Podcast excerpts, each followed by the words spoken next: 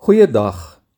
Ons is aan die einde van ons oordeenkings oor Nehemia. En baie dankie as jy dalk ook die afgelope tyd gereeld saam geluister het en jy's baie welkom om ook vandag te luister. Ek lees vir ons uit Nehemia hoofstuk 8. Die hele volk het soos een man bymekaar gekom op die plein voor die waterpoort en vir Esra, die skrifgeleerde, gevra om die wetboek van Moses waarin die beveel van die Here aan Israel opgeteken is te bring. Man en vrou, die hele gemeente, elkeen wat kon verstaan. Hy het daaruit voorgeles op die plein voor die waterpoort van ligdag af tot die middel van die dag ten aanhore van mans, vrouens en elkeen wat kon verstaan. Die aandag van die hele gemeente was by die wetboek.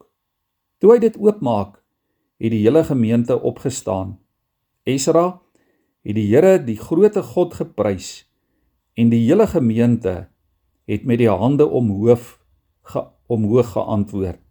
Amen. Amen. Liewe vriende, die gelowiges daar in Jerusalem wou God se woorde hoor om daarvolgens te lewe. Toe Esra vir hulle na soveel jare weer uit die wetboek lees, het dit hulle emosioneel aangegryp. Dit het hulle lewens aangeraak. Nehemia het hulle geleer wat die woord van God vir hulle lewe van elke dag beteken. In die volk se lewe op daardie oomblik het twee dinge prominent uitgestaan.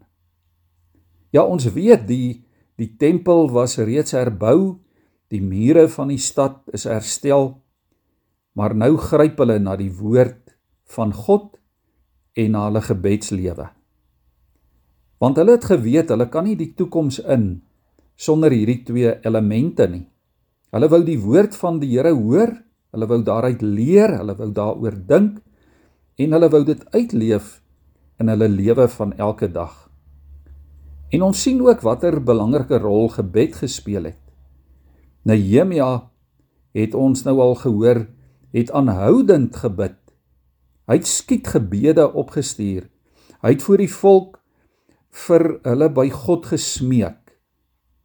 Ja, liewe vriende, dis deel van elke gelowige, van elke Christen gesin, van elke familie, van elke gemeente se verhouding met God. Dis onontbeerlik. Ons kan nie kerk wees sonder die woord nie. Ons kan nie kerk wees en gemeente wees sonder volhardende smeekende gebed nie. In daaruit vloei 'n lewe van ware lof en eer voor die Here.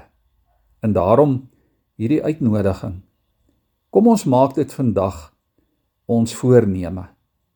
Kom ons maak dit ons voorneme vir die dae wat kom om Bybel te lees, om daaruit te leer, om dit die heeltyd in gedagte te hou, om dit uit te leef in ons omgewing en kom ons hou elkeen aan om volhardend te bid.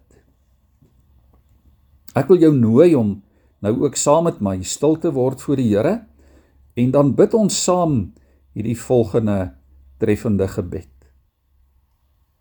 Here, God van die hemel en die aarde. Here, kom seën ons asseblief. Kom seën ons met 'n ongemak oor maklike antwoorde.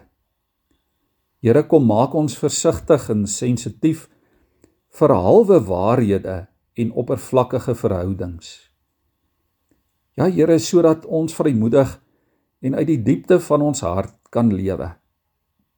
Here kom seën ons met woede oor onreg en onderdrukking in die wêreld rondom ons en ook oor die uitbuiting van mense Ja Here, sodat ons kan werk vir geregtigheid, vir vryheid en vrede. Here, kom seën ons elkeen met trane om te stort vir mense wat pyn en nood het.